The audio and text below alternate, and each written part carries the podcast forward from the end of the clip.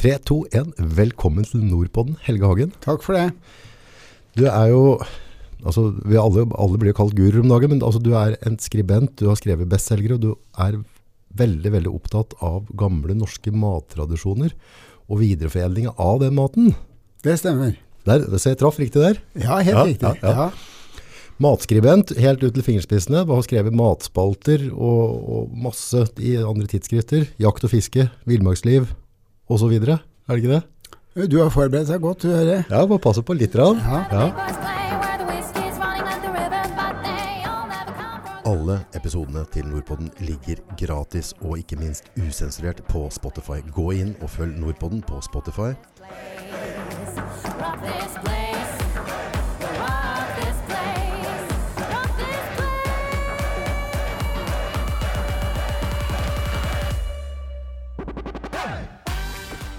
Du, I dag skal vi prate litt om Du har, er ute med en ny bok, altså en relansering av en bok som, som har gått veldig bra i utgangspunktet. Som er Røk og rak, tørk og grav. Stemmer det? Den, eh, den ble gitt ut for 19 år siden, vil si at den ble skrevet for litt over 20 da. Og den, eh, den må jeg kunne si har, har blitt godt mottatt og, og har levd i hele den perioden. Ja. Jeg har aldri vært i nærheten av å dø ut. Det hadde, egentlig, det hadde ikke vært overraskende om, om det hadde skjedd, men har, den har holdt seg i live. Og, og så reviderte vi den eh, nå eh, tidlig på høsten, så at den kom ut igjen i en ganske kraftig revidert versjon i august i år. Men 19 år, hvorfor dør ikke ei bok ut? For normalt sett 19 år, så, så, så har det en tendens at bøkene ebber av. Hva er det, hva er det til omhandler som gjør at det holder seg aktuelt? Spesielt eh, er sånn type eh, faglitteratur da, som dette er, så, så har de som regel veldig kort levertid. Det handler ofte bare om ett, kanskje to år. Ja. Men jeg tror, te, jeg tror nok det er temaene eh, Det er nok de områdene som boka handler om, som har gjort den livskraftig såpass lenge. Mm. Og, og å, hvis vi skal kommentere det litt, så er jo det at det å kunne konservere sin egen mat etter eh, stort sett gamle, tradisjonelle metoder, kombinert med ny, ny kunnskap, så har jo folk en sjanse til å eh, både ha det veldig moro, ta vare på sine egne råvarer, og så ligger det kanskje et lite moment av sikkerhetstankegang i det òg. At når det blir vanskelige tider som nå, med korona og dyr strøm, så er det, er det greit å kunne konservere litt mat. Ja, for dette handler rett og slett om å håndtere en matvare på en sånn måte at ikke du er helt avhengig av at du har en stor strømfryser i kjøleren. Eh, du kan si at alle de, alle de metodene som beskrives i den boka, er, er frigjort fra en dypfryser. Fra det øyeblikket du tar maten opp fra dypfryseren. Men det er, ofte, du kan jo ofte ha et forstadium. Har, har du, har, er du elgjeger eller, og har noe elgkjøtt, så kan det godt ligge i den en stund, og så kan du ta det opp og videreforedle derfra. Ja, men i teorien så er det på en måte teknikker og forklaringer på hvordan du foredler, altså ta vare på ditt eget matproduktene dine, uten at de blir sure og dårlige, holdt jeg på å si. Absolutt, tvert imot. De blir heller eh, gode og særegne. Ja, der, der er det så der, jeg har blitt litt flinkere når det kommer til rakfisk og sånne ting, men jeg har jo hatt en teori på at, det er liksom at dette, dette, dette er noen som har funnet opp for at de ble fordervet mat, så hadde de ikke noe å ete, så ventet de til det, og så, så trodde vi etterpå at dette er en delikatesse. For det er jo, det er jo eh, mat som er, eh, er i en forråtnelsesprosess, holdt jeg på å si, uten at den er det da. Ja, det har vært, det har vært sagt, eh, det sier jo noen enda faktisk, at, at eh, den sånn råttenmat vil jeg ikke ete. Men det er, jo, det er jo helt feil å bruke det begrepet om den maten, for den er, eh, den er eh, det, Jeg har gjennomgått en helt annen prosess. Og det, Den har jo et fint navn som kalles enten fermentering, men det kan du bruke et vanligere ord på, som heter gjæring. Og det er noe som folk flest skjønner hva er. For det er en stor familie innen mat som er på en eller annen måte innom en gjæringsprosess. Ja. F.eks. øl Øl? er en, gjær, er en gjæra prosess. Ja, Eh, surmjølk. ja En hel haug av oster. Ja. Yoghurt. Eh, spekepølse. Eh, osv. Mange, mange typer mat som vi kanskje ikke i hverdagen tenker over har vært eller er fermentert mat, men det er det faktisk. Og i den familien hører også rakfisken hjemme. Det rare er jo de matvarene du nevnte nå, alle, alle de tingene du nevnte er jo blant favorittene mine. Ja, ja. Ja, og, alt er fermentert. Ja, veldig, veldig mye av den. eh, Faktisk en stor del av, av vår hverdagsmat er, er på en eller annen måte eh, konservert ved en form for fermentering. Ja. Og i gamle, og i gamle dager så var eh, trangen til å spise eh, konservert mat enda mye sterkere enn i dag. For det var en oppfatning fra gammelt av at fersk mat var, gjorde folk eh, Hva skal vi si eh, Det syns ikke folk var delikat. Det er mat for Altså, fattige folk. Ja, altså du, det var ikke mange som spiste en, en, ny, en stekk, en elgbiff i, før som vi kjenner den i dag, som var rå og mør inni alt det der. Da ville de heller ha den halvsalta og speka, og så spiste de den på den måten. Ja. Eh, det var en preferanse som, eh, som eh, nok har, delvis er borte, men mye av den konserverte måten har beholdt grepet sitt fortsatt veldig sterkt òg, da. Hm.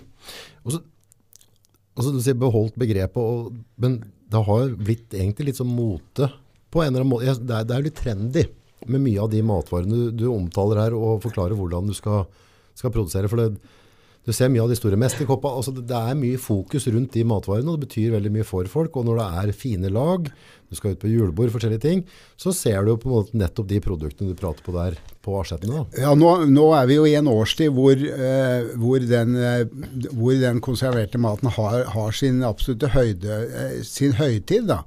Eh, en god del av den er eh, akkurat nå om høsten. Så er det den tida vi, vi, vi spiser den maten på. Ja. Og, og vi har jo snakka om rakørret, som er helt typisk for det. Og, og, og den har også på en måte blitt rituell, som du sier. Altså, Ja. Den bekrefter, eh, For mange så bekrefter den en form for sånn stammetilhørighet. Og noen, sånn som du var inne på i stad, så var jo ikke du så veldig begeistra for det i sin tid, men du har begynt å kvikne til litt. Eh, og du har begynt å beherske det, eller du kan si mestre. Så det er jo, Noen bruker også begrepet mestringsmat om en type mat som kanskje er sterk, lukter litt spesielt, og som du må, du må trene deg litt for å, bli, for å like den. Det er også typisk for en del av den eh, konserverte maten, særlig de som har litt kraftig smak. da. Hvilke matgrupper er det som du på en måte ser som er på en måte den der matgruppen du må beherske, men på en måte ligger ganske langt ute, altså er populært i samfunnet nå i dag, som egentlig stammer veldig gammelt av? Da, eller kommer det Ja, den, mest typ, den aller mest typiske eh, som, har, eh, som har en sterk smak, og som er gammel, dokumentert gammel òg, og som krever litt trening, det er, det er rakfisken, rakørreten. Ja. Det er den mest klassiske av dem. Hvor er den kommer fra, og hva var opphavet? Eh, Opphavet er eh, eh, med stor sannsynlighet eh, saltmangel. Okay. Fordi at eh, med, i metoden for å lage rakerøtt så er det nødvendig å bruke salt.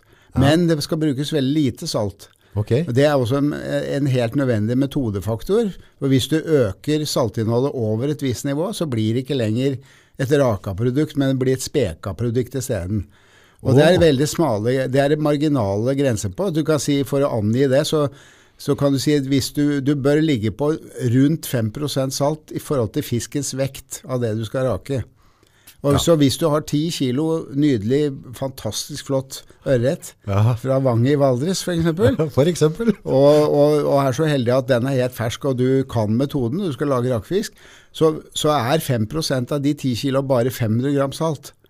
Og når du ser 500 gram salt veid opp ved siden av den 10 kilo, ikke 1 kilo, 10 kilo størret, men Ja, ja. 20 halvkilos, så syns du det er veldig lite salt. Ja. Og det er det faktisk òg. Så, så inneholder den metoden også krav om at du må ha eh, en viss temperatur. Du må være, det må være kjølig. Eh, og det er egentlig de, og de må være renslig, og de må ha en tett beholder osv. Det er de betingelsene som er viktige for å kunne lagre en rakfisk som både blir god og som er trygg å spise. Så det skal ikke være til sånne eh, gamle trebutter som graver seg ned i bakken, liksom. Du kan gjøre det med plastikkbeholdere nå. Ja, det kan du godt, men, fra, men, fra, men, men akkurat det med å grave ned i bakken, det var faktisk den eh, gamle måten å gjøre det på. Det vil si, rent fysisk så eh, akkurat det å grave et høl som akkurat stort nok til å ha en but, det, var, det er kanskje litt dumt, men hadde du en god jordkjeller, da, mm. så vil du, vil du på høsten når du driver med dette her eh, i, i, i norske setre fjellområder, ha en temperatur på rundt 7 grader i den kjelleren, i en naturkjeller, og det er, det er et sikkert temperaturnivå for at den fisken ikke går i stykker når du konserverer den sånn. Forutsatt at du har riktig saltnivå. Ja. Men pra- altså, lite salt, temperatur, altså, jeg sender at det er, jo, det, det er jo små marginer. Det er små for, marginer. For, for å få, et godt produkt. Ja. Men veldig mange er jo, jeg har jo hørt historier som du kan dø av etter dette der. Altså at det er ganske farlig. Er det så farlig at du kan ikke gjøre gjøre deg selv hjemme? Nei, det, det kan du absolutt godt gjøre. Ok? Ja vel, du kan, alle kan lage sin egen rakfisk med meget godt resultat. Ja. For metoden er veldig enkel og veldig trygg, men det er avgjørende at du er trofast mot metoden. Ja. At du må ikke avvike, du må ikke ta en e- egotripp og si at nå kjører jeg min egen variant. Så jeg setter, den, jeg setter den litt på verandaen et par uker på 15 grader. Da ligger du tynt an i forhold til at, at du kan få forgiftning. Da kan det bli forgiftning? Da kan det bli det. Da kan du få det som, det som folk var reddest for i gamle dager, var jo den sykdommen som heter botulisme. Hva er botulisme? Det er en forgiftning fra en, en bakterie som, som, eh, som lever, som er veldig utbredt, som finnes i jord bl.a. Okay. Og, og under gitte forhold så kan den vokse og, og produsere et toksin, som dette, et giftstoff, som er veldig, veldig giftig, og som kan gjøre at folk som spiser mat som inneholder sånn botulisme, kan bli veldig syke og stryke med. Det har jo skjedd eh, med inntak av rakørret og andre typer mat, men i, da, i moderne produksjon, med kunnskap til det, det metodiske, så er det, er det uhyre sjelden. I profesjonell sammenheng så har det ikke vært noen tilfeller av den på, på lang, lang tid. Nei. Huh. Men la oss si hvis jeg skulle prøve å lage rakørret selv nå, mm -hmm. uh, step by step, hvordan gjør jeg det? Altså først en tur til Valdres, og så... Ja, ja eller Hardangervidda, eller uh, Ja, for er det noen steder det er bedre fisk enn andre til å rake? Ja, det vil jeg si. Altså, det, det kan være litt sånn sub, subjektive personlige meninger om akkurat det, men, men du bør øh, få ta du, du kan godt fiske en mjøsørret på seks kilo og rake den nå, Ja. men da må du dele den opp i biter. Okay. For det er ikke hensiktsmessig å rake en, en diger en seks kilos mjøsørret. Okay. Men du kan, du kan fiske ørret hvor du vil, men det, det må være god kvalitet på den. men hva Eh, er god rakørret for deg? Hvis du får for meg, er, for meg er det en ørret som er eh, rød i kjøttet og som har spist krepsdyr. Krepsdyr, faktisk. Eh, som, Nå, nå begynner vi å bli snobbet her, Hagen. Nei ja, Nei, Nå skal, det vi spiser skal spise kreps. Ja, det er den, eh, det er den typen ørret som gir eh, absolutt beste kvaliteten. Okay. For den spiser små krepsdyr, som marflo og skjoldkreps og sånn, bitte små. Ja. Eh, Og da får de den røde kjøttfargen, og er det et friskt, rent Så det har noe med fargen å gjøre? Det er de, det er den, eh, det er de, eh, nei, det er de dyra som gir den ørreten den røde kjøttfargen. Det Og der hvor det ikke er type, sånn type næring, så vil den ikke få den. Det, og det, er, det, det kan jo være mm, litt sånn, hva skal vi si, snobbete, men eh, jeg syns jo at en, en fisk som du fisker i et fjellvann, og som har den, eh, de kvalitetene der, er uh, utrolig. Det er den optimale råvaren. Så du har småkreps i fjellvann? I fjellvann som har tilstrekkelig kalkrike, Ja, eh, så har du det. Det var jeg ikke klar over. Nei, Men det Men, blir, eh, det blir ikke sånn kreps jeg kan fiske. De er ikke den størrelse at jeg kan fiske dem, liksom. det er absolutt ikke. De er eh, kanskje en eh, halv centimeter, en centimeter lange. Ja. Men det kan være ganske mange av dem. Ja. Og, vi, og, og, og vann som har store forekomster av de krepsdyra, der får du Hvis vannet forvaltes ordentlig, så vil du få en fantastisk kvalitet på fisken der. Hm. Og det er de vanna som har Ja, det syns jeg er optimalt i forhold til Foretrukken størrelse på den for ja. Fra en halvkilo til tre kvart kilo, noe sånt noe. Ja, da, for da får du den rakeprosessen. prosessen. Porsjonsvis. Ja, da, da kan du si at hvis du fisker dette på høsten, da eh, det er, det er det vanlig, og Den gamle tradisjonen knyttes jo til at innladet hadde mulighet til å, til å fange ganske mye ørret når fisken var på gytevandring. og det jo, Når det gjelder ørret, så det er jo det på høsten. Ja. Og da, da var den lett å fange fra oppdrar på begrensa areal og kan fiskes med effektive metoder. Mhm. Og da kunne du få såpass mye fisk på en gang at du kunne legge ned noen butter. Eh, lite hvis du er singel og skal kose deg med deg og familien og noen venner. Eller mye hvis du har lyst til å være profesjonell og selge dette osv. Men gyte på høsten, jeg trodde dette var på våren fisken gjøt, ja. Eh, ikke ørret. Ikke ørret? Nei, den er høstgyter. Jøss, det var jeg ikke klar over. Er ikke det Men, tung eh, rundt å drive og gyte inn mot vinteren da? Det blir harde Det er nok da, til, jo, men det er en, til, det er en tilpasning som den arten har eh, eh, fått, på det, si, og det er måten han har lært seg å, å leve på, så det er nok bra for den å være høstgyter. Hm. Men, eh, men eh, så skjønte jo folk òg at Altså, du, du, vi snakka så vidt om om, om, om det er noe alder, kjent alder på den metoden. Og vi, vi har jo kobla det opp mot, mot at det er mangel på salt som har utløst den metoden. Og det fins et dokument fra det var fra eh, Sverige fra, på 1300-tallet. Den delen av Sverige som vi snakker om nå, var på den tida norsk. Og der bodde det en fyr. Ja, det, det står i det papiret. Ja, da blir det norsk, ja. mye hyggeligere å snakke om. Ja, ja. Der, der er det et papirdokument hvor det står at Olaf Gravlaks eh, drev med altså Det ligger i Etternavnet hans kalte seg Gravlaks. Ja, ja, ja. Eh, det ligger i navnet hans hva han holdt på med. Han tok det på alvor. Ja, så, Han tok det såpass på alvor at han kalte, tok navnet sitt etter, etter sin aktivitet. Har du vurdert det sjøl? Aldri. Aldri. Nei. Nei, eh, det syns jeg går litt for langt. Men jeg, i hvert fall litt, ikke enda. Jeg får vente til jeg blir litt eldre. Men, men han eh, og, og, i, og i Sverige, du, du sa det også i stad, altså å grave et høl i bakken. Mm. Fordi at eh, på svensk så betyr eh, det, det betegner, Hans etternavn da, betegner en, den metoden om å lage den jordkjelleren som vi prata om i stad. Ja. Altså grave, grave fisken ned i bakken. Ikke direkte i jorda, men beskytta fra det miljøet. ikke sant, Nede i en butt. Ja, for hadde den jorda, så hadde det blitt Da, botulisme. hadde, da, hadde du hatt, da er du i, med en gang i risiko. Det- er en veldig viktig ting. Ja.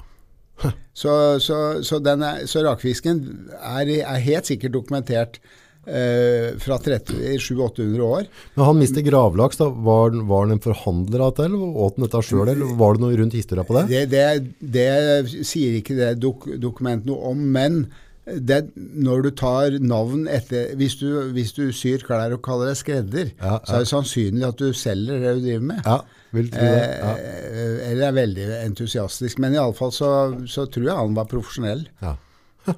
Så, og, men så, er, så vet vi òg at salt har vært brukt i nordisk husholdning lenger tilbake enn det. Så, og metoden er egentlig ganske enkel, men, men den ble sannsynligvis tvunget fram fordi salt eh, inntil helt i moderne tid var en luksusvare som det var veldig mangel på. Hvordan fikk vi tak i salt fra gammelt av? Nei, da, da, da kokte vi inn, så I Norden så eh, kokte vi inn saltvann.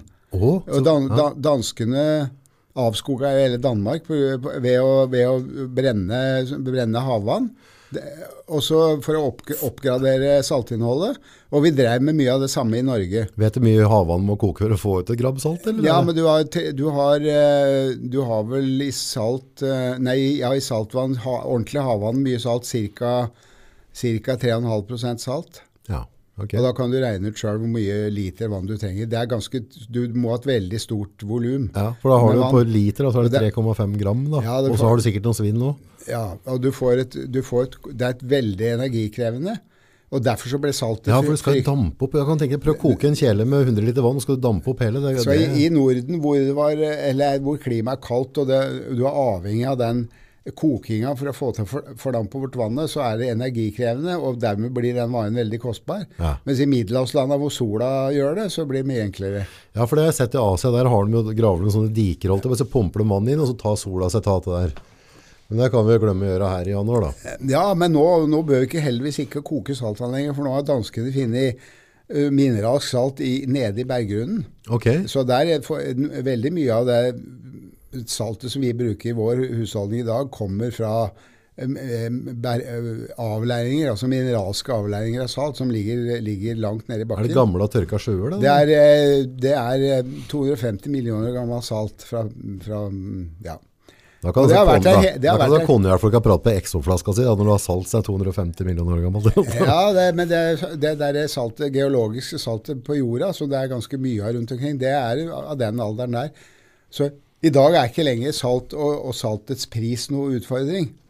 Men det var en gang i tida, og det, det, da tvang det folk til å bruke veldig lite av det. Uh, og, og da, du har for f.eks. i ordet salær, det er jo et kjent ord. Salær, Ja, ja. det, kommer direkte av salt. Ble betalt i salt? Du fikk, kunne få lønn i salt. Romerske soldater fikk jo lønnen i form av salt. Yes. Ikke hele tida sikkert, Nei, nei. men en god del. Julegarasje fikk dem som salt. Salt er ferdig. Nei da, så den eh, rakfisken har Og den kan du si sosialt sett, så uh, er jo en gjeng, eh, noen gjenger rundt omkring som dyrker den maten. Og, og Ja, det er religiøse grupper, tror jeg. Det er grupperinger, ekstreme. i hvert fall veldig rituelt for mange. Ja, det er rett før liksom der terrorpoliti, det har de under oppsikt.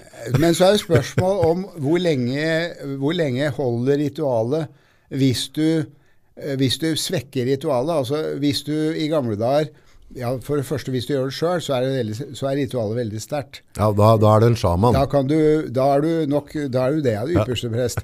Da kan du gå ned i kjelleren og dra den rakfisken Du kan ta med gjestene ned til og med, Ja. og la dem lukte på dette, og så får du en veldig kraftig opplevelse av det. Ja. Og så Neste trinn er jo at du, du går i butikken og kjøper det, og fiskehandleren tar det opp fra butten. Ja. Det, er ikke, det er nesten borte, det òg. men, -hmm. men, men for i dag så går folk og handler en, en ferdig filet i vakuum. Ja. Og da, det, det kan du si at eh, smaksopplevelsen er like bra, men ritualet er kanskje en del svekka når du forenkler det sånn. Men, eh, men eh, du snakker om ritualer. Hvilke ritualer bør det være der, liksom? Når jeg lager min egen rakerøtt, og jeg syns det er et veldig bra ritual. Men er det dans rundt butten, og altså, er det visse ting som må gjøres? Det, det var en god idé. Det har jeg ikke hatt hittil, men det kan godt hende at det er noe, noe man bør gjøre. Ja, for du, er jo ypperste prest når du lager dette sjøl, altså, så du kan jo på en måte sette nye trender, Ja, tenker ja, jeg. ja, altså absolutt. Altså, og noen er faktisk folk som er veldig flinke med mat, og driver med mat eh, helt profesjonelt eh, omtrent hele livet. De har, de har litt noen har litt respekt for akkurat det å lage den produsere den fisken sjøl. Men det, det mener jeg det bør de ikke være redd for, for er, metoden er veldig enkel, og den er veldig trygg hvis du forholder deg, som jeg har sagt veldig mange ganger, forholder deg til å, riktig temperatur, riktig salt, hygiene osv. Da er vi litt tilbake igjen på der vi var eh, litt i stad, men det var jo på en måte at okay, vi har vært også fått tak i den eh, råvaren vi ønsker, og så få til det med å produsere sjøl. Hva er neste skritt da, hvis jeg skal produsere hjemme? Jeg har vært og kjøpt den fine ørreten. Han har fått kreps, Den er helt har fersk. riktig, Ja, fersk ja, ja. og riktig farge med kreps. Rød og fin i kjøttet. Nei, da må du, da må du da, da La oss si som vi har sagt, da, at du har 10 kilo.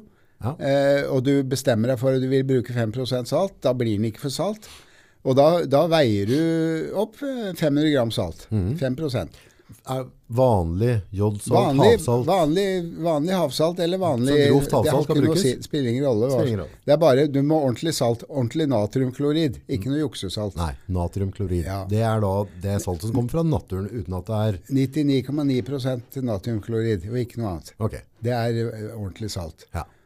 Eh, og så eh, prøver du å tildosere. du, er, du har vaska deg godt på fingeren, eller kanskje bruker plastikkhansker. Men det er viktig å ha rene fingre. du Det er viktig. Det er veldig viktig. Så doserer du eh, Tar du en klype salt eller to og i, fordeler i buken på hver, hver ørret. Litt inn i buken? Litt i buken på hver. Okay. Og så legger du disse ørretene nedi den butten din, Ja. på, stort sett på rygg, med ryggen ned. Ok, så, da, så at, at kroppen som er splitta er oppover? Ja. ja. Og så fortsetter du med det til eh, legger dem lagvis til, til du har fordelt det saltet. Legger du det i mønsteret eller er samme? At du kan bare Det, du kan likt? godt legge det parallelt, men noen legger på tvers om. Det, er, tror, jeg, det, er, det er, eh, tror jeg ikke har noe å si. Mer overtro. Antageligvis. Eller subjektive metoder som noen tillegger stor vekt. da. Ja, ja. Det er personlig preg. Ja. Men Uh, Og da vil du, når du har har salta den siste fisken, antagelig, forhåpentligvis ha igjen litt salt av de 500 gramma. Så type 100 gram? Ja, eller? kanskje det er 50 gram, eller Ja. lite grann. Du har igjen litt. Det strør du på toppen. Ja. Og så legger du på ei fjøl som er veldig godt rengjort. Eh, Treverk, ja, plastikk. Ja, plast, gjerne plastikkfjøl som passer ned i butten. Og oppå den legger du en stein som kan veie en kilo eller to, som også er ekstremt godt rengjort. Kokt steril og kald. Men bør da den trefjøla eller plastikkfjøla på en måte være i samme størrelse som den butten, så det ikke får for mye Ja, samme størrelse, litt, skal, litt mindre. ja, ja, bare så du får hvitt hår nedi. Du skal du skal, ikke ha, du skal ikke ha 10 cm glippe på siden? Nei, ikke ti, men to. To, ja, Sånn at hun ja. klemmer godt nedpå, og så steinen oppå, og så lokk på. Og Størrelse da på steinen, tyngde? Ja, mm, to kilo. To kilo. Ja, hvis du er ti. Og så eh, på med lokk, inn i kjøleskap. Inn i kjøleskapet. På fire Nå begynner familien å bli fornøyd. Fire grader. Eget kjøleskap. Eget kjøleskap. Ja, du må nødt til å ha eget kjøleskap. Ja, ja, ja. Du kan ikke drive med uh, alt mulig annet mat rundt dette. Du kan i teorien gjøre det, men det er upraktisk. Det blir, blir trøbbel. Men lokk, da er det lokk med forsegling? Tett lokk. Ikke forsegla, men bare tett. Tett. Så det trenger ikke være sånn at det er med klyper og Nei, ja, men det som begynner å skje nå, det er det at i løpet av veldig kort tid så blir det lakedannelse oppi der. Ok. Og Det er helt avgjørende. Det dannes en svak saltlake. Det vil si altså sånn en, en flytemasse Du i ser, salt? du ser at det blir dannet saltlake. Eh, saltet trenger inn i fisken, og, og vann i fisken kommer ut. Og etter hvert, etter, etter ukes tid eller to, så er det noenlunde balanse mellom saltinnholdet i den lakan saltinnholdet i fisken. Men før du har så gått to uker, bare kanskje tre-fire dager, så må du koke et tilleggslake. Ok. Og fordi, fordi at du vil oppleve at ikke all fisken ligger nede i lakan. Det er helt avgjørende. Ok, så da kan noen ta rekken Ja, for over. all fisken må ligge under, la, nede i lakan. Hele fisken må være under. Alt må være under. Alt er Ja. fisk. Da koker du kanskje et par liter tilleggslake på akkurat samme måten. Altså du, Hvis du bruker to liter vann, mm. så, og du skal ha 5% så trenger du 100 gram salt. Yes. Koker opp det, avkjøler til det er helt kaldt. Så Men du det skal ikke være varmt. Ikke i det hele tatt. Det skal være kjøleskapstemperatur. Ja. Heller det opp i butten, og, og da kan du sette på lokket igjen, og så kan du ta det med ro. I tre måneder i hvert fall. Fire måneder, kanskje mer. Så behagelig måte å lage mat på. Veldig, veldig hyggelig. Ja. Kan du gjøre helt andre ting. Ja. Ja. Hva du vil. Drive med vektløsninger, vektløsninger, lese om uh, rakfisklitteratur, eller bare kose deg. Eller i ditt tilfelle, da blir ved og sjakk. Ja, ved og sjakk er gøy. Ja, så kan du tenke på hvem du skal invitere til denne fabelaktige fisken når, den tid kommer. da. Ja. Men hvis du fisker den i, i august, så vil jeg foreslå at folk venter i hvert fall til jul. ja. For, og han vil, han vil bli bedre etter jul da, utover, eh, utover vinteren og våren. Nå toucher du inn på noe veldig veldig sånn touchy tema her, og det er hvor lenge altså, har noen hardinger at rakfisken skal ligge i fem år. Holdt det, altså, nå overdriver jeg litt, men, Ja. men noen er veldig opptatt av at den skal være veldig altså, gammel som overhodet mulig. Hva, Ja. hva, hva er liksom sweet pointet der, tror du? Nei, de fleste det, det meste blir spist opp før han er et år gammel. Det, jeg tror nok det. Den du får i butikken, da? Nei, i- det, er, i du jula. kan, eh, der, de har litt, eh, det fins kunnskap om det fra, fra den kommersielle produksjonen av rakeørret i Valdres, for der er en stor, stor kommersiell produksjon. Ja. Og det, og det de har sett der, at, at de har ikke holdt på så veldig mange år, kanskje 20-25 år, hvor det har vært høy aktivitet, ja, 30. Og, og eh, de har sett at preferansen mot sterkere fisk øker. Oh, ja. Altså, når folk har trent seg opp på å spise mild fisk etter en stund, så blir du mer kompetent og går løs på litt kraftigere saker. Ja. Så rykker du et, et, et trinn næ- nærmere ypperstepressen, ikke sant? fordi Ah, du er tøffere i trynet. Og, ja. Så det begynner litt sånn at du er litt på gata, og så havner du inn i den seks tunge Du- du blir tunge invitert rakfisksteker. inn etter hvert, ja. Det er et tidspunkt. Ja, du kommer inn i den indre kjerne til slutt. Men da, men da kan du si at da, da kanskje du skal kunne si at du har Jeg har spist en rakerøtt som var to år. Da er du Da er virkelig barsk. Da er du barsk. Ja.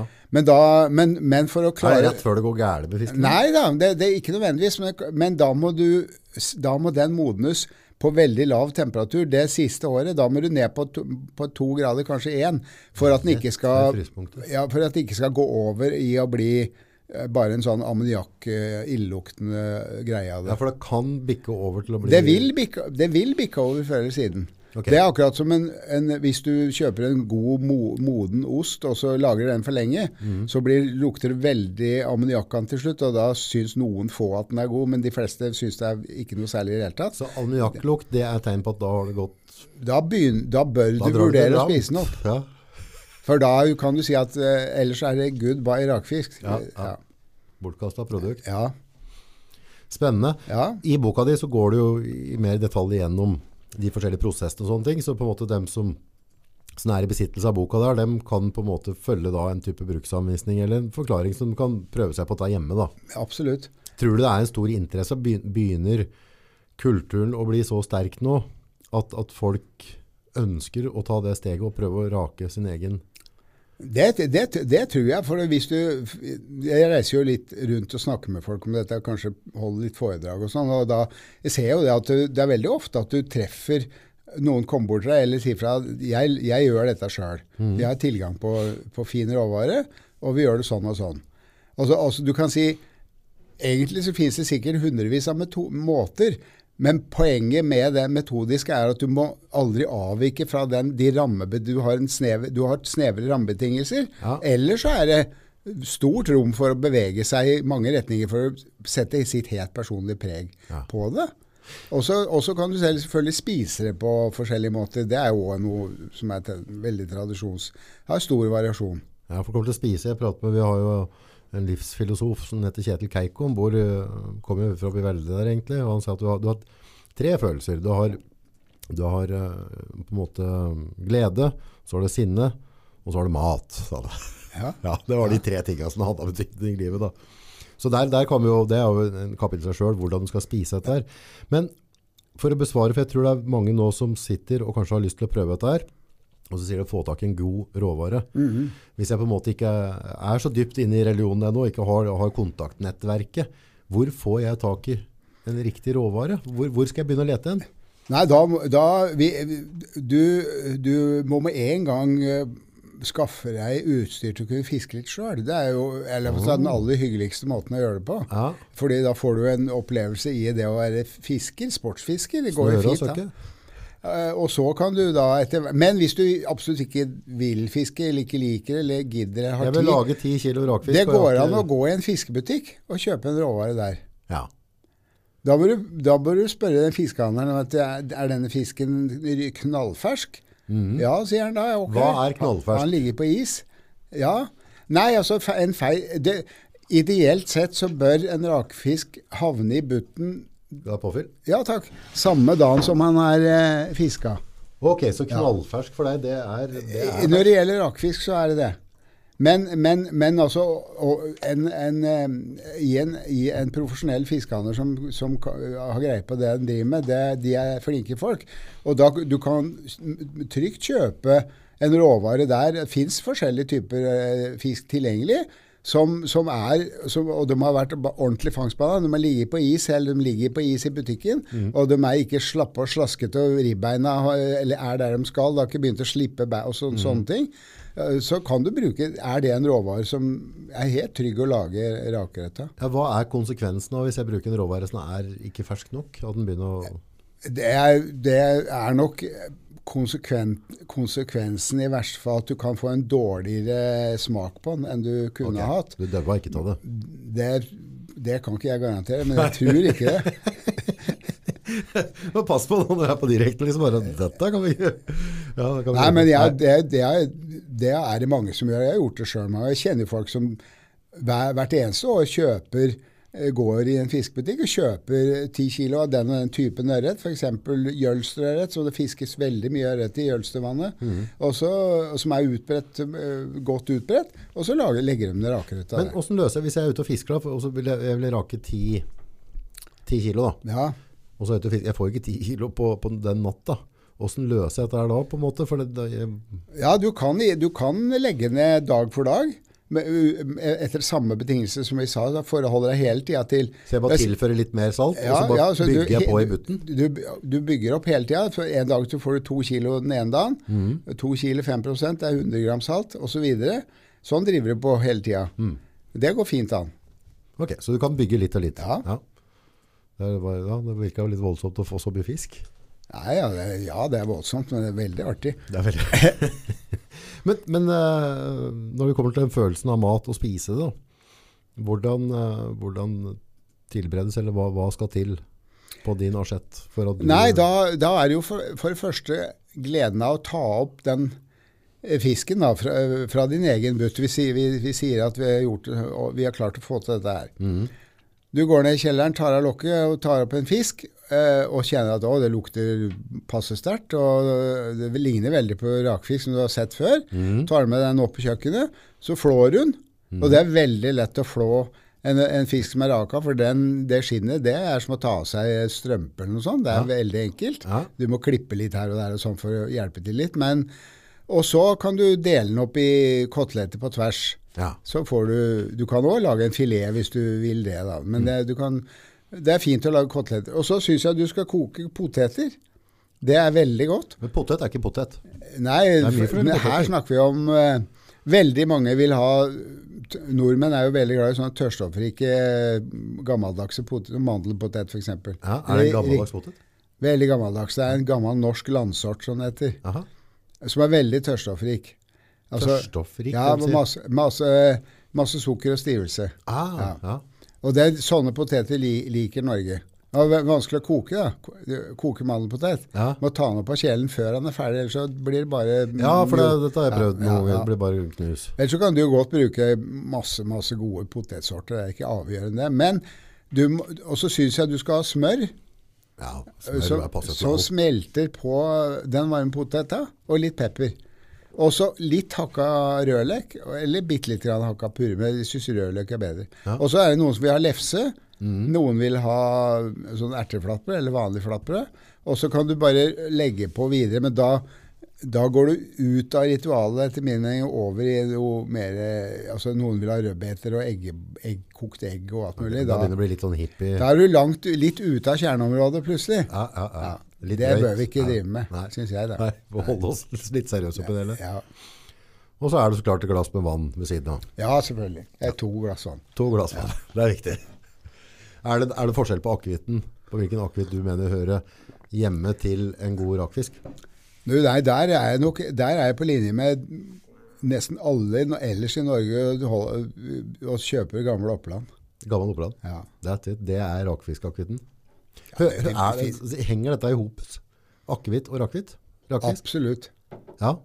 Det Ja, er, det er, er det noe med smaksløkene, eller er det på en måte tradisjonen med, å, med en liten fest? Du kan, det er vanskelig å finne en annen eh, det er vanskelig å finne en annen drikk, eller det er litt utfordrende å finne en annen drikk i, i sånn, sånn festmessig som passer til ra- rakerett, men det fin, fins nok noe. Altså det, går an, det går an å drikke champagne til det, har vært prøvd, og det er mange som liker det. Men det, Det er også mange, ut. det er mange som ikke liker det òg. Og så går det nok an å finne noen viner som passer, men, men vi er nok mer i kjerneområdet hvis vi forholder oss til eh, Pils og akevitt. Ja. Ja. ja. Gode gamle. Og så, ja. Og så, eh, og så finnes det jo nå over 400 akevitter å velge mellom. Men det, er- det er ikke nødvendig å forholde seg mer enn fem eller noe sånt nå. Nei, nei, nei. Og gamle Oppland er jo helt er jo, Bare teste 400. Det blir jo voldsomt jobb. eh, det bruker resten av livet da, og kanskje ødelegger appåtil. Ja. Nei, det tror ikke det er Nei da, men, men eh, det er i hvert fall eh, det, Gamle Oppland er, har vel bortimot Jeg tror han har 20 han markedsandel på 20 eller noe sånt. Det er en voldsomt Gammel Oppland. Hvor gammel er den egentlig? Ja, den har vært lagd i og, sånn rundt regna 100 år, med litt samme resept. Ja. De har det- ikke, har det er ikke avveket på resepten? Nei, ikke, ikke siden vin, Vinmonopolet ble stifta på og det var vel rundt 1920-1919 eller der omkring. Ja. Så har eh, oppskriften eller resepten på Gamle Oppland er uforandra siden da. Så det er, Og det er brent på potet. lagd av brent på potet, ja. Ja. ja for det, det, er jo litt sånn norsk greie egentlig for andre, andre Jo, det er, eh, den, den er, det er vedtatt i Norge at norsk akevitt skal lages på potetsprit. Ok, Så lager du på en annen så får du ikke kalle det akevitt. Eh, I utlandet kan du sikkert gjøre, men, i- men i Norge har vi bestemt at det skal være potetsprit. Ja. Det er, den kommer fra Gjøvik, fra Hoff. Eh, på, nede på stranda ved Gjøvik, det er like ved der hvor Skiblandet ligger. Ja, Det stemmer. er, er Norges eneste, nå eneste industrielle potetbrenneri. Ja, som brenner der nede? Der brennes eh, tror det bare var pommes frites de drev med Ja, det er litt lenger, opp, litt lenger opp i forhold til stranda, litt lenger nærmere byen. Der tror jeg det er mer pommes frites og sånne ting. Uten det er helt, nå er jeg ikke helt sikker på det. ja. Men anlegget det ser du jo veldig godt, fordi det er sånne høye tårn, altså sånne kolonner hvor det foregår eh, destillasjon. Det var jeg ikke klar over. Jeg, bare, jeg kjørte forbi det skiltet nede ved Statoilen der, og da ser du på en måte bildet av pommes frites. Jeg tenkte som hoff, det var pommes frites-fabrikken. Det er de som gjør oss Eh, I gamle dager så hang det nå, det nå husker jeg ikke helt det der, hva det står for det skiltet nå. Men, men, for noen år siden så sto det et skilt ganske høyt opp på en av de kolonnene hvor det sto Enkelte poteter sprer mer glede enn andre. Men så ble det skiltet plutselig tatt bort. Ja. det, kan, det kanskje fordi det var en reklame for et produkt som det ikke er lov til å reklamere. Det Ja, ja. kan ha blitt oppfatta sånn, Ja. men det er i hvert fall borte. Men, eh, men der er altså Norges eneste eh. Det er der. Og det de gjør i tillegg til at de brenner spriten, er at de rektifiserer den, dvs. Si finrenser -hmm. Så den, den, den spriten er gullende rein, og gir da muligheter for å lage norsk brennevin, eh, som f.eks. akevitt, av av, veldig, veldig god kvalitet. Skikkelig, de har et ordentlig hjemmerenseapparat. Brenn, Eh, brenn du, reint. du klarer ikke å konkurrere med det anlegget der nede, dessverre. Uansett hvor flink du er til å hjemmebrenne. Nei, det er Nei, helt umulig. Det er jo på en måte også en, en eh, gammel rett som har hatt tradisjoner i Norge, hjemmebrenning. Ja, det er helt sikkert. Og den, det, det spørs om ikke det lever enda rundt omkring. Men, men du får aldri bort uh, den fusesmaken. Altså den smaken av bakst eller Ja, ja. sånne uh, fremmedstoffer og forurensninger som du helst ikke skal ha. Da. Jeg tror det er noen som uh, Før så var det mer normalt å få kjøpt dette på, på gata i, i kanner eller halvlitersflasker, men, men nå virker det som det er borte. Men jeg hørte en som pratet på som liksom, nei, det var, eh, de skal ha karsk med hjemmebrent, så det var, det var å få tak på ennå. Så jeg tror det er noen, noen enkeltsjeler. Men det tror jeg på en måte, det er ikke noe ungdommen driver med. Det er noen, noen som har drukket det før i verden, som har bestemt seg for liksom, at karsken skal kan- ha det til seg. Ja, kan hende. Nei da, men det spørs om ø, hvis, vi sku, hvis, vi, hvis folk føler seg trygge på, eller tør nå på grunnlag av det vi har sagt, prøve seg på sin egen eh, rakerett, så kunne vi hoppa over på en annen fiskerett som akkurat nå også har en enorm høysesong. Ja. Og det er jo den mer skjelvende Fiskepinnene. Fiskepinnene! eh, nå tenkte jeg egentlig på lutefisk. Ok, ok, ja, greit Ja. Som kanskje er, er, er nok like rituell som, som rakeretten. Ja, det er nesten så jeg føler, altså, rakfisk, det, det, det har jo noe med jula å gjøre veldig, men lutefisk, da er vi ordentlig i førjul. Absolutt. Skikkelig, for det, det, altså alle sånn, ja, nei, det er sånn inn mot jul. Det er, veldig, det er, det er ikke så mange som eh, Ja, absolutt inn mot jul. Det er, få som spi, det er noen som gjerne vil ete lutefisk etter jul òg, men det er ikke så mange. Nei. Og det er noen som vil spise i påska, men da er det den siste rest av årets lutefiskspisere. Ja, ja. For da går de i, i dvale og går over på helt andre ting. Ja, ja, det er, det er, Men, men, eh, men eh, velkjente produsenter av, av lutefisk må holde, holde av litt, grann, så de har til disse påskeentusiastene. ja, så det er, det er den harde kjerne der også. Det det, er noen avvikere som absolutt skal holde på helt til påske. Men, eh, men lutefisk, hvor, hvor, hvor kommer det fra? Hvordan er dette blitt laga? Nei, den knyttes til eh, Den knyttes til kanskje Norges fineste, fineste Et av Norges aller fineste matprodukter, som jo er tørrfisk. Ja, Eh, skrei. ja, Eh, Det, fra, eh, fra, fra norsk arktisk skrei. ja, som kommer nedover og gyter langs hele norskekysten i nord, ned til Lofoten omtrent, kanskje enda litt lenger sør. Og hvor de driver med det vinterfisket etter skrei. Og, og hvorav en god del tørkes et, etter at fisken er sløyd og hodekappa.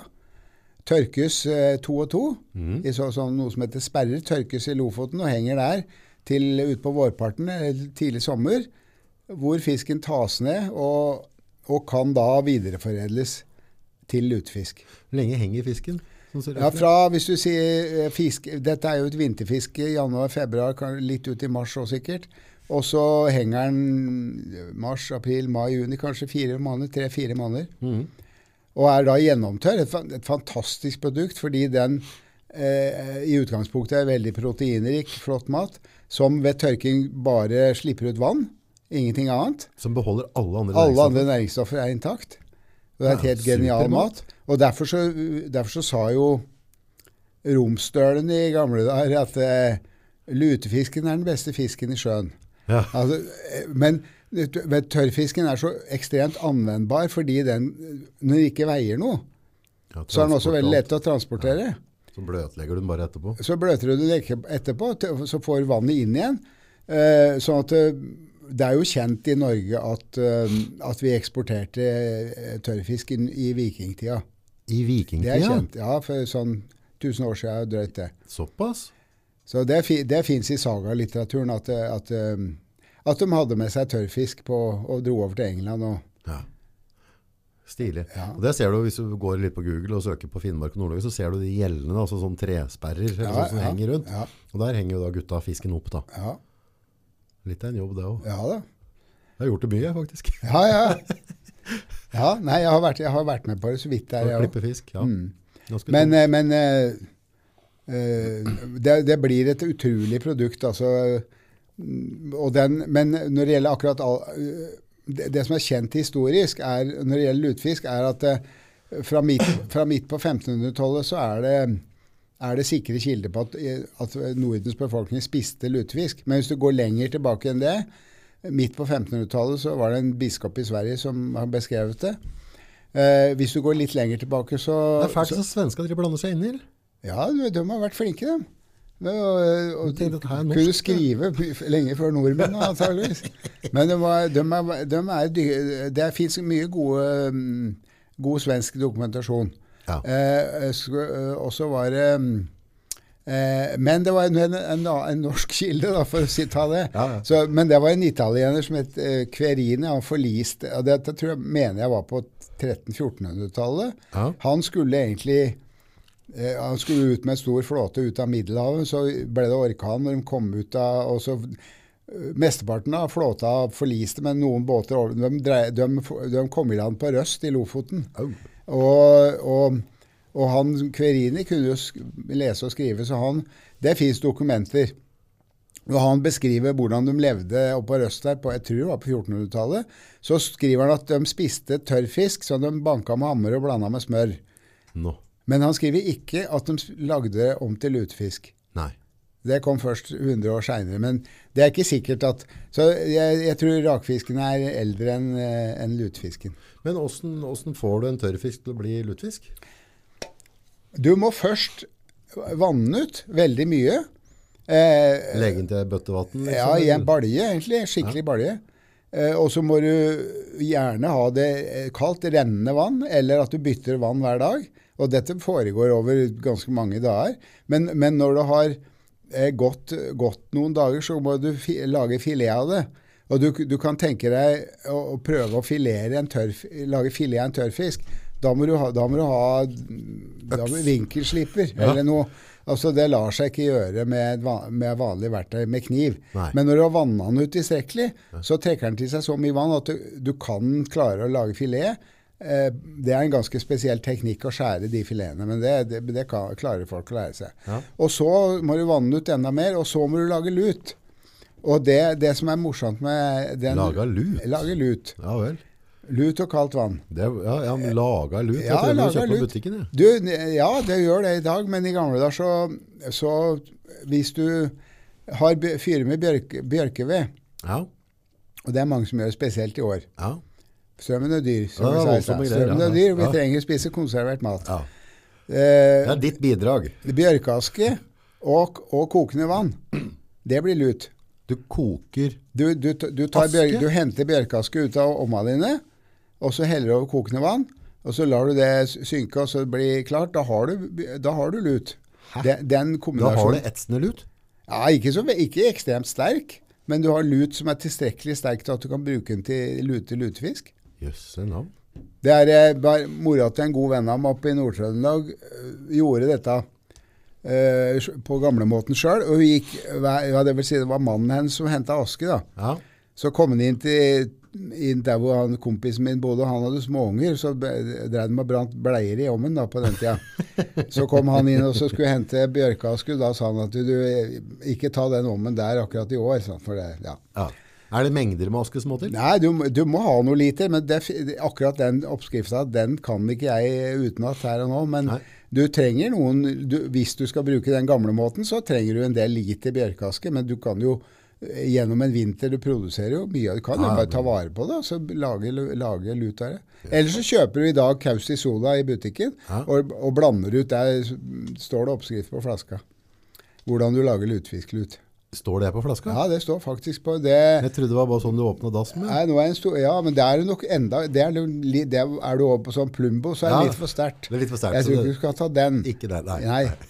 Men, nei, er det ikke oppskrift på hvordan du lager nei, nei, ikke den. Ikke den. Men Kausti Sola, som er sånn krystallisert uh, eh, fi- eh, materie, materiale, mm. det kan du blande med vann. Ja. Uh, også, og da er det noe som heter eh, vann i lut gir sprut, men lut i vann går an. Altså Rekkefølgen der er litt viktig. Ok, Ja. lut i vann. Lut i vann går an. Altså vann først og lut oppi der. Mhm. Og, så, så får, så, og så, da har du en lut som du putter fisken oppi. Da vil den svelle kraftig. Da, da vokser den ordentlig. Så da trekker den til seg mer væske? Da trekker den til seg mer, og den luta gjør noe med at da blåser den seg opp som nesten som en svineribbe. Du ser tydelig at fisken puffer seg opp. Det blir egentlig litt sånn, så lenge du prater med mye på svenska, sånn, som jeg var stikkende, det blir litt sånn svenske kyllingbrysta. De må jeg òg puffa opp, har jeg Med sett. salt og sånn. Ja, ja. ja, men den lutefisken har en utrolig rar eh, er rar konsistens. Han er nesten sånn derre Ja da, ja, den blir rar og skjelvende. Og, Ja, ja, ja, og, men du luter den ett til to døgn, og så, og så må du vanne ut igjen. For da, da må du tynne ut igjen det lutpreget. For det er en Nå har du først lang vanna den i flere døgn, Først vanning, så filetering, og så så luting. luter men bytter du lutvann hver Nei, dag? bare bytte, du bytter ikke lut. Det er ikke nødvendig. Nei. Du, du, du har den samme luta. Og så når du begynner å vanne ut da, så kommer du sikkert av hvor mye du vil vanne ut. Før at må du vanne ut også ganske mye. Mye. Ja, Ja. Nokså mye. Noen dager. Så det tar et par uker fra du, fra du begynner å vanne ut den tørrfisken, til du har lutfisk som du har klart å kunne servere, så har det gått et par uker. Ja. Det er fortsatt mulig Det er nokså mye jobb. Ja, absolutt mulig. Da, da, da sier det seg sjøl at du, hvis du beslaglegger kjøkkenet til dette her, Eller badekar. så må noen reise bort. Ja, ja. Eller badekar, ja. Ja. Det er en god idé. Ja, tror du ikke det. Jo, jo. Men eh, en, egen, en egen kjeller med en ordentlig springer og kar og rennende vann er, er jo fint å ha, da. Ja, men du ser folk driver og bygger seg mykere bryggerier og alt mulig, så du skal ikke se bort fra at dette kan bli en greie. Så er det jo litt, det er jo litt stas da, å, å bjuda på gjester, og så har du Ja, produsert det selv. Egen uh, lutefisk Men det, hvis, jeg skulle, hvis folk skal velge noe av noe, sier til ja, hva skal jeg ta, skal jeg lage, prøve meg på rakfisk, eller skal jeg prøve lutefisk? Da hadde jeg begynt med rakfisken, for den er mindre arbeidsom. Ja. Men det er ganske mye jobb med lutefisk, men det er, det er helt overkommelig. Hva skal, hvordan skal asjetten se ut når du har lutefisk? Hvis Ja, du skal først- holde deg innafor Først så eh, skal du koke den, eller til varmebehandle den, og det er et utrolig viktig poeng med den. Ja, Og, og, og der er det en del Media generelt er eh, ganske fulle av vranglære på det området der. nå må vi følge med folkens, for Ja. nå, nå kommer trikset her. Det som er trikset, og dette jeg lært av en av Norges beste fiskehandlere, det er å koke den lutefisken akkurat på samme måte som du koker fersk torsk. Mm. Det vil si at du, du har en kjele med ganske mye vann i, Mm. og det vannet salter du med en halv desiliter salt per liter vann. Ja, Og så koker du opp det vannet med saltet i til det koker ordentlig. Ja. Så tar du lutefisken som du har delt i passe biter, oppi det vannet. Setter på kjelen på full guffe igjen, så det begynner å uh, syde og koke, småkoke. bobler litt. Skrur, skrur av varmen. Tar tida åtte minutter. Da er den lutefisken ferdig varmebehandla. Så et, altså, fullt oppkok med salt og vann, Ja. legger lutefisken inn, i, da slutter det å koke, for da får du kulde oppi. Ja, ja, da kjører Med en gang du ser det begynner å få boble enda, begynner å syde litt, Etter sterk slå varme. av, og da tar du tida. Åtte minutter. Fra du ser det bobler og du slår av, da gjelder tida. Ja, åtte minutter da. Og da er fisken ferdig. Men den ferdig. tida, tida, tida fra du legger den oppe til oppkokt, den teller ikke. Nei. Nei, skjønner? Mm. Og, da, og den metoden sikrer at du får en fast og fin lutefisk med passe saltsmak. Og, og, og, det, og så er den veldig effektiv for det går fort. Og, og du kan lage det Hvis du bruker den metoden, så kan du lage Du må ha fire kjeler, altså, eller tre kjeler av stekepanne for å lage lutefisk. Ok, Eh, fordi du koker lutefisken, du skal koke poteter, og du må koke deg ertestuing. Det er veldig veldig viktig. Og så må du steke bacon, for det skal være med. Ja. Gjerne bacon blanda med litt ribbefett, altså, eller ribbesky. Det er jo snadder. Men hvis du, når du bruker den der metoden med å trekke den lutefisken, da, eh, så, så er det så godt tima at hvis, da kan du gjøre alle ting på en gang. Du kan, du, det tar akkurat like lang tid å koke opp lutefisken som det tar å koke poteter. Og samtidig må du lage grønn ertestuing, og så må du steke bacon. Ja. Der får du til å klaffe helt Så må du ha en sikring som tåler alt dette på, ja. i huset da, på en gang. Ja, for det, dette må klaffe, ellers så blir det ikke Dette må klaffe, og hvis ikke gjestene kommer presise og sitter klare når du tar fisken opp av, av det kjelen, så kan du bare la være å invitere noen mer, for det er veldig uhøflig. Ikke komme når, du, når verten har anstrengt seg på det nivået der. Ja, Da må gjestene være der når de får beskjed om å komme. ja men ellers så får du bare stryke dem fra lista neste år. Ellers så står de ikke på lista neste år. Men uh, hva, hva drikker du til dette her? Nei, der er vi på det vi snakka om i stad. Akkurat samme. Akkurat samme. Må vi på Gjøvik-sida? Ja, vi, vi bør ikke reise til Gjøvik, for de har helt klart å flytte det rundt omkring. Ja, de har, ja, som får Men ertestuinga er litt viktig å snakke om, fordi for, det er en del som For det får jeg kjøpt som påse fra Toro. Ja, men det, ikke vær så snill, ikke, ikke gjør det. Altså, ikke til, nå mister du Toro som sponsor, men ok. ja, ok, det Nei, du kjøper frosne erter isteden. Fro, Frosne frosne grønne erter. Det må være jækla tungvint. Blir det noen det, er- det er det som er det, det er så nydelig. Og du tar eh, Litt avhengig av hvor mange det er, men de til frosne grønne erter, de er forvella. Så du bare tar Forvella? Ja, de er, de er kokt, lettkokt før du fryser ned. Ok. Ja. Og, og dem, da klipper du, tar ertene ut over en kjele, bitte grann vann, og en sjenerøs glatt med smør. Så koker du opp det, og det bør bare koke ett minutt, så alt som er, alle ertene er tint opp.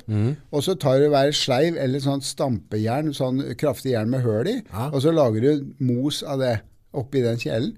Den ertestuinga blir en irrgrønn, nydelig og lett og fin tilbør til lutefisk.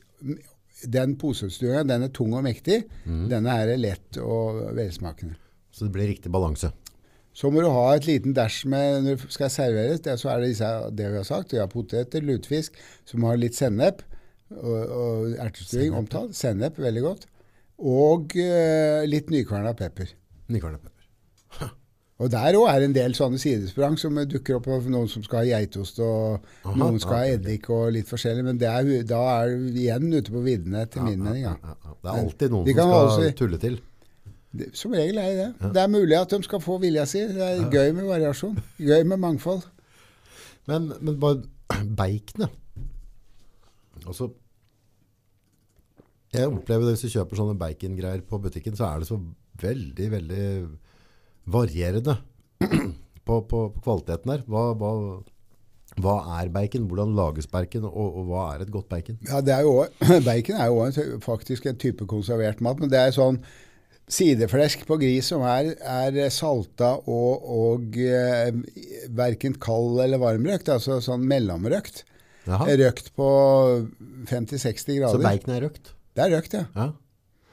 Eh, og eh, vel, det er så et enormt utvalg av bacon. Det er bare helt kolossalt. Så, Ja, eh, det er ganske standardisert. liksom. Ja, noe, men det, der har ikke jeg eh, noe preferanser som jeg kan si Det er nesten Ja, så bedre å det steke kan jo flesk at- synes jeg, til, til frokosten, for da, da får jeg i hvert fall litt å tygge på. Da. Ja, men du kan i hvert fall Siden du skal spise så god mat, og det er, hø- du, du kan jo godt bru, kjøpe et bra, produkt som er bra, da. Altså, at Ja, jeg Ikke kanskje jakte på det aller, aller billigste på den dagen, i hvert fall. Mm. Men det er jo smak og behag. Men eh, det behøver ikke å svi bør Når du steker det, så er det ikke vits å kjøre på så veldig hard varme. Du kan heller, heller begynne med litt svak varme, så får du renner fettet ut. Og så, og så kan du øke varmen litt etter hvert, så kan du få det litt sprøtt og sånn. Ja.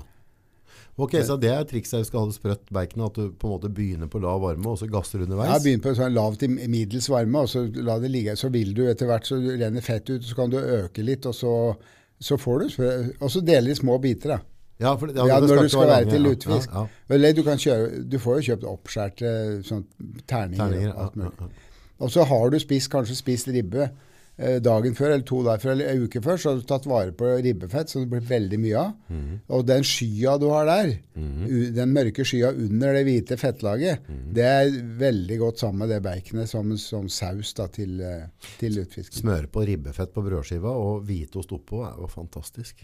Ja, antageligvis. Det har jeg aldri smakt, men det er, hvis du sier det, så stoler jeg på det. Ja, ja. Nei, hvis du var helletur fra, fra ribba, og så Ja. la det bli kaldt, Ja. så da blir det på en måte både hvitt og litt svart, altså du får litt blanding der. Jeg tror jeg gjorde noe mindre, skjønner du, og så smørte det på skiva, og så har du hvitost oppå.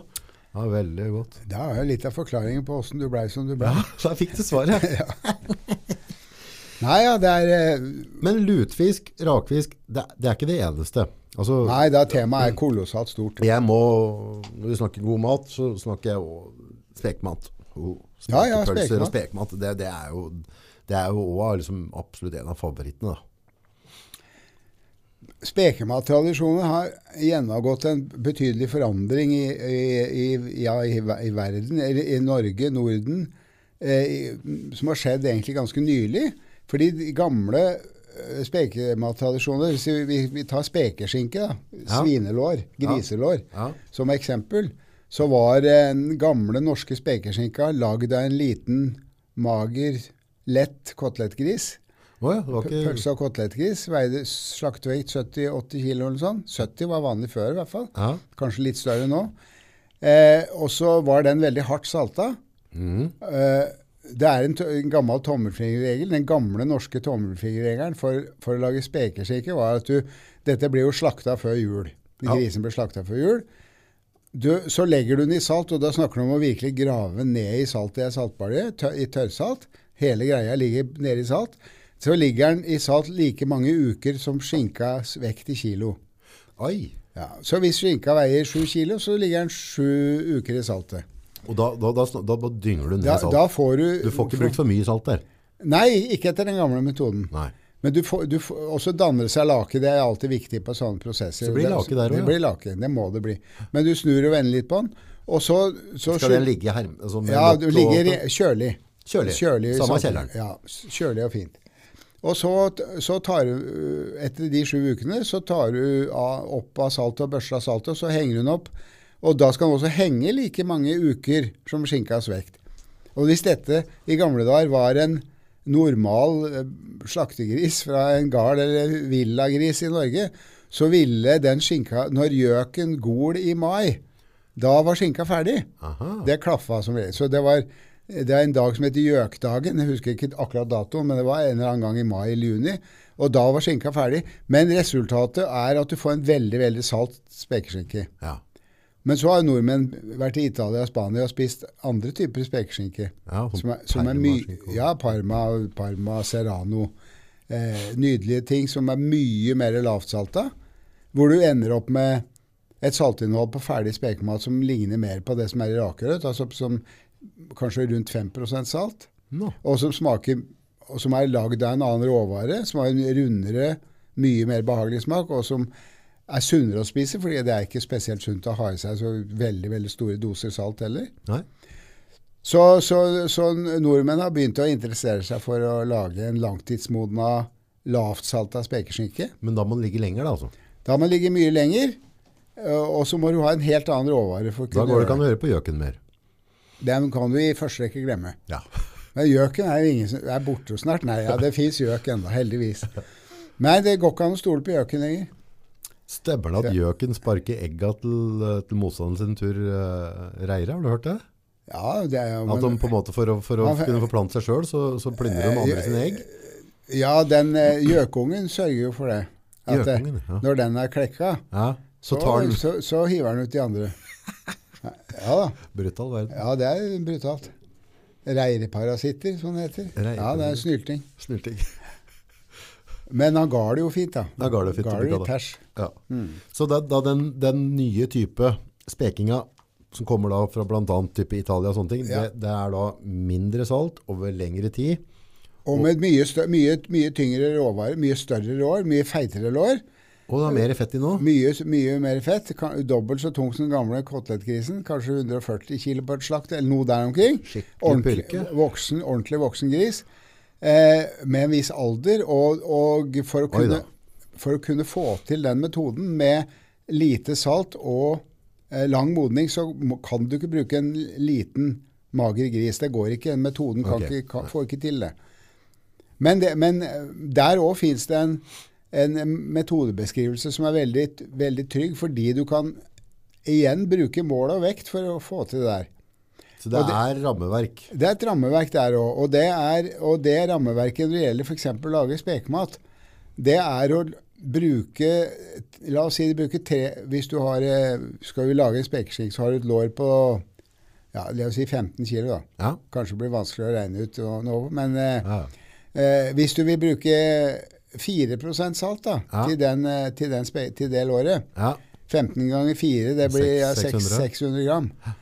Da du veier du opp 600 gram salt, og så har du låret ved siden av deg. ja. Så smører du alt det saltet inn i det, på den, utvendig på den skinka. Masserer litt, synger masserer litt. Du har tatt bort eh, spekk rundt der hvor hoftebeinet var, sånn at det er eksponert en ganske stor kjøttflate med åpent kjøtt. ja. Saltet trenger ikke gjennom spekket i det hele tatt.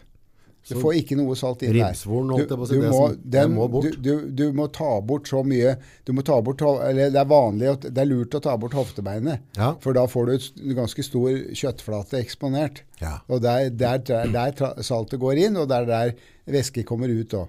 Men så har du smurt inn saltet med den den saltmengden. Så legger du det en, enten i vakuum eller i en tett pose, ordentlig kraftig tett plastpose, og så putter du dette inn i kjøleskap.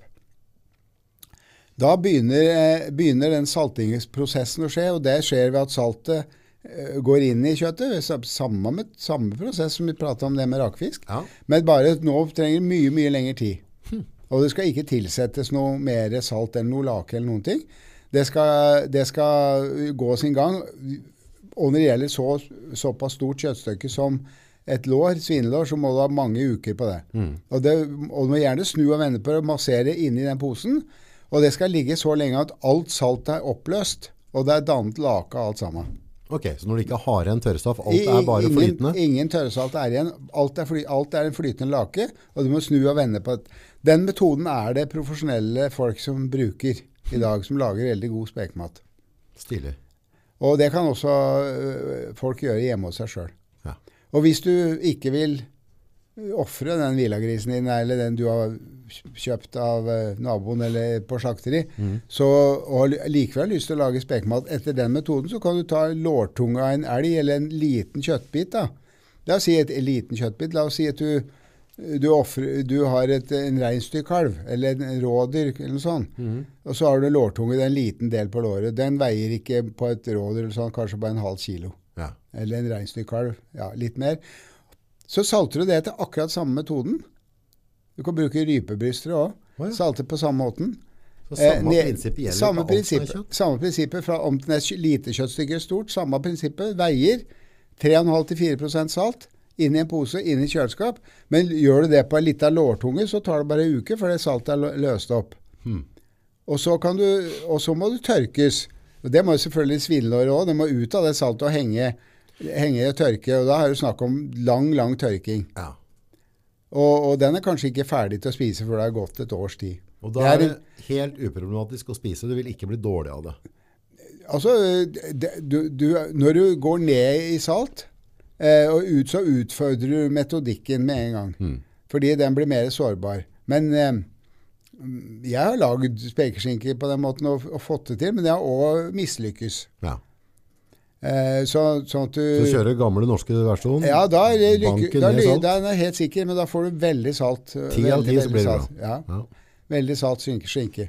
Det, men, det, men den metoden med å lage sånne småretter, er altså speke små biter, Det er litt gøy, Det- da, for du kan prøve deg litt fram. det, og, og det er veldig, veldig trygt, og du risikerer ikke å ødelegge masse kjøtt. Og det er jo en veldig gammel Det er en type rett som er, kalles skjerpe, som er, eh, som er beskrevet i, i Norge for ganske langt tilbake.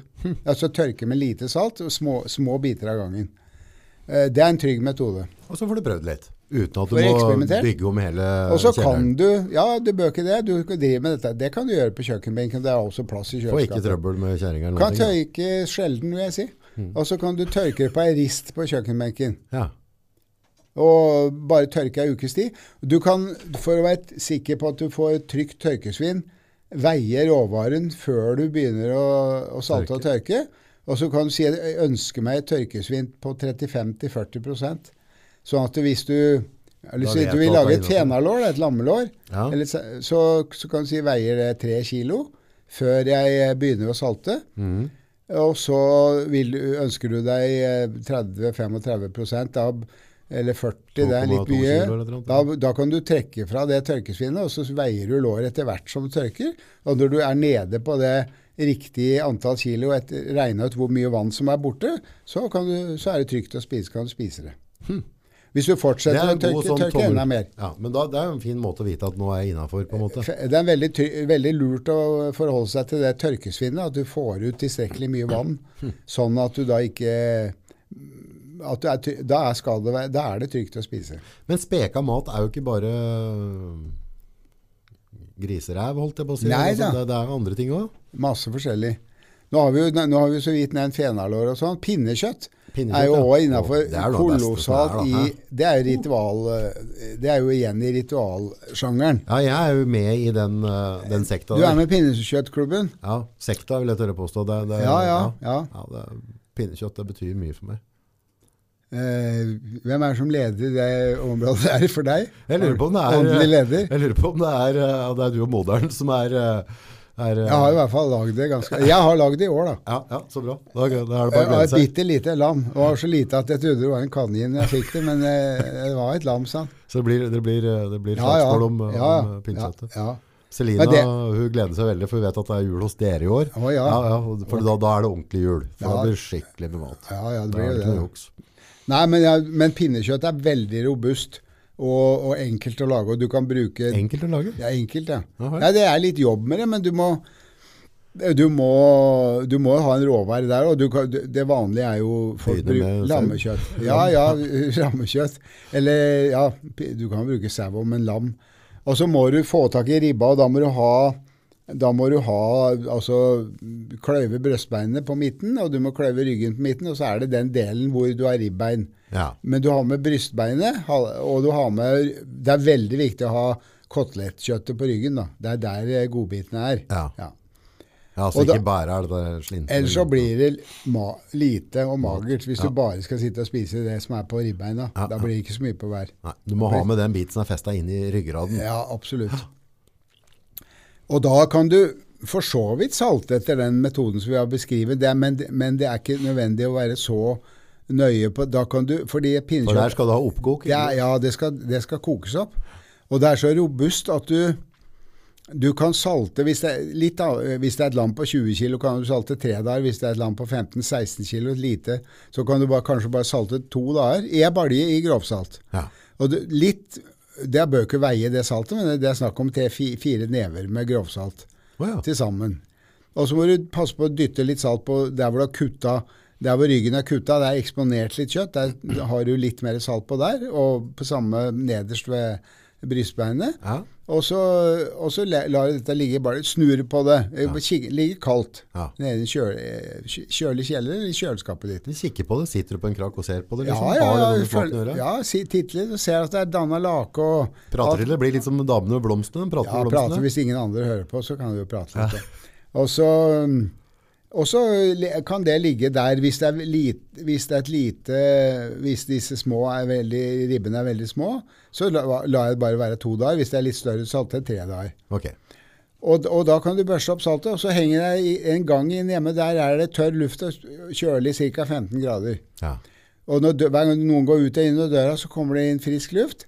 Og så er det akkurat passe Det er passe temperatur sånn i starten. Så det har litt å bety mye besøk du får, og mye trafikk det er. Ja, det kan, på, det kan påvirke sluttresultatet, men det, det har jo Det ble litt mye besøk i år, liksom. Men også, vi har jo korona, ikke sant? lite trafikk. Gikk det utover studert. Ja, tørken? ja, ja, dårlig studert. Det er på en måte en, altså forhold til det med, med den skjerminga vi har hatt, det er jo en side av det. Altså hvordan har det påvirka den, den matretten der, altså med trafikk? Ja, ja, ja, du er inne på et veldig Det er mye sånne ting vi ikke har tenkt over. en veldig smal nisje akkurat Ja, nå, men det er mulig det at det, det kan virke der òg. Men, men, eh, men uansett, altså da trenger ikke du, Da vil du se at det, det der, du får saltutfelling på det. Saltutfelling. Ja, du, får, du ser at eh, du får en hvit det danner seg en hvit eh, du, du ser at det er eh, du, merker at det tørkes. Du, Det ser litt sånn kalkete ut, du banker, ja. Ja. Og så banker på det, så hører du det er som et eh, Det er ganske hardt, og det er som et balltre. Eller, Ja, så du hører at det blir en sånn det tørker bare på Hvis du gjør dette i begynnelsen av november, så er det egentlig Da er det i hvert fall, hvert fall ferdig til jul. Ok, ja. Og, og, og nå er jeg, noen ganger så kan dette bli eh, veldig hardt og, og ja, Men eh, nå har jeg tenkt å avslutte den tørkinga snart, så skal jeg vandre ut veldig godt. Okay. Eh, fordi at det, for å unngå at det blir tørke for mye og at det blir for hardt. ja. Og så skal jeg vanne ut skikkelig, Ja. og så skal jeg fryse det ned fram til julaften. Aha. Jeg skal prøve det i år for å unngå at det blir tørke for mye. Ja. Men, eh, men, det, men resten av prosessen med pinnekjøtt, altså når det er ferdig tørka, det er jo igjen utvanning. For, det- for da må du ta, få ut en del av det saltet. Ja. Saltet var jo med i starten for å konservere det, for at det ikke skulle gå galt med det. Og så må vi kvitte oss med det. for så må vi kvitte oss med det, for ellers blir det for salt å ete. Ja. Og da er utvanning i ett til to døgn i, i friskt, mye kaldt vann. Ja. Bytte vannet et par Bytte ganger. Ja. Og, og så er det blitt såpass mykt at du kan uh, dele det opp. Og da er det snakk om å dele mellom hvert ribbein. Mhm. Og da er det lurt at først du har jo den, det halve brystbeinet, der hvor du splitta foran, det må du, kan du ta bort. Der er det ledd. Ja. Så en som er flink med dette, klarer det, alt dette nok med en kraftig kniv. ja. Og så skjærer du bort det brystbeinet i der hvor ribbeina møter brystbeinet nedover. Og, så, og så kan du, da kan du komme til mellom hvert ribbein, og, og der, det, der du kommer inn i ryggen, der er det bruskskive. Ja. Den kan du skjære rett igjennom Ja. med en kraftig kniv. ja. Legge på litt, og så får, da har du de pinnene ferdig. Og da er det varmebehandling i form av koking eller damping som er ja, der er det òg diskusjon. Kok eller damp. Ja, nei, det bjørkpinner. Nå var en veldig flink kokk fra Vestlandet på Hamar her for eh, en god del år siden. Hun brød seg ikke noe om damping, og ikke noe om pinner. Nei. Hun kokte det i ganske mye vann. Ja, that's it. Eh, Må du salte det vannet, eller bare Nei, ikke salt. Ikke salt, bare helt, helt eh, Og da, Og du kan slå av litt av det første kokevannet òg, for det blir Det er noen som bruker den skya til saus, og det kan bli ganske sterk. Men eh, når vet du at det har kokt nok, Nei, du må koke. Det skal slipe beina. slippe beina? Ja, altså Kjøttet skal koke så lenge at, det, at du pirker det bort fra beina veldig lett. da. Ja, du kan ta, nesten ta fingeren og dra det Ja, du skal kunne gjøre det. Ja. Eh, minimum to timer. Minimum to timer, Ja. og så skal det ha sluppet beina? Det skal slippe beina. Så er det kålrotstappe og kokte poteter. Og da er jeg igjen på Toro, eller? Med, med den kålrotsappen. Du, da må du ut på bondeland og, og, og, få tak i ordentlig kålrot. Kålrot. Og lage den sjøl. Ok. Åssen ja. lager du en kålrotstatte fra bånn?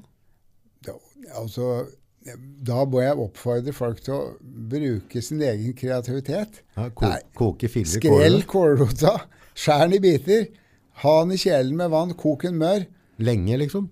Til den er mør. Til den er mør? Ja, Det er ikke lenger, det er ikke lenger på, på kålrot. Kvarter 20 minutter i Mm. biter.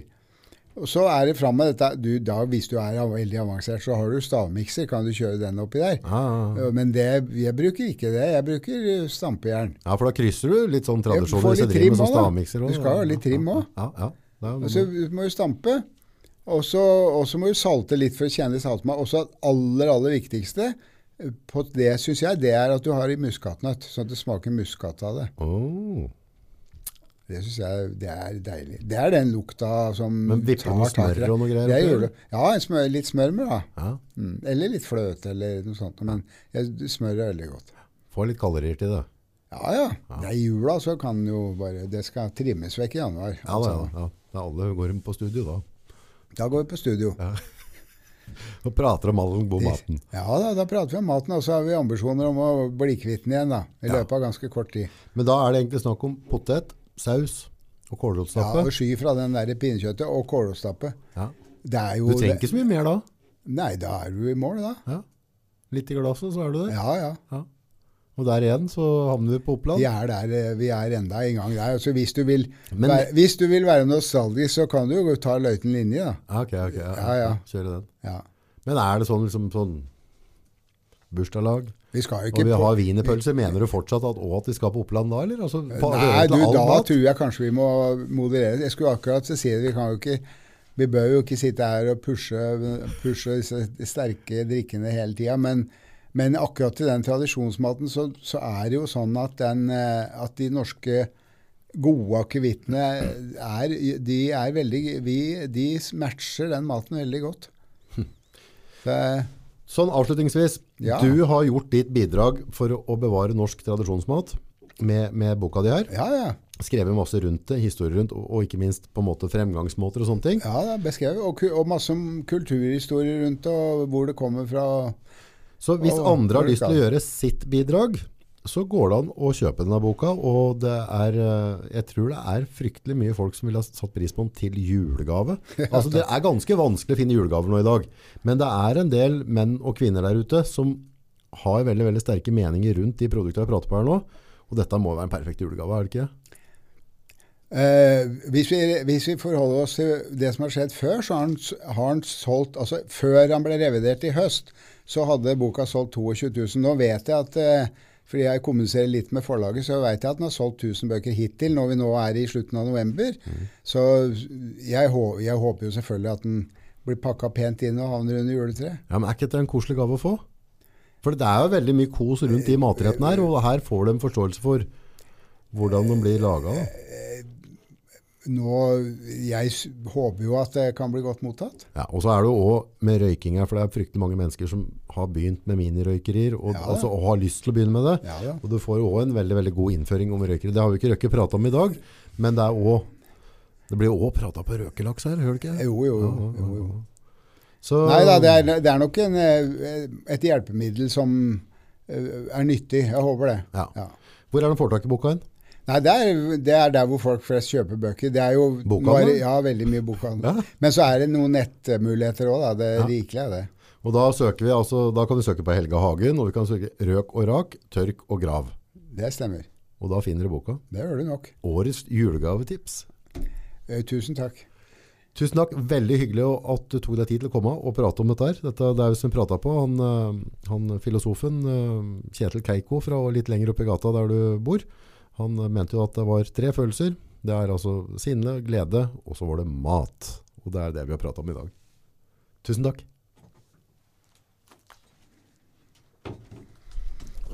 Nice.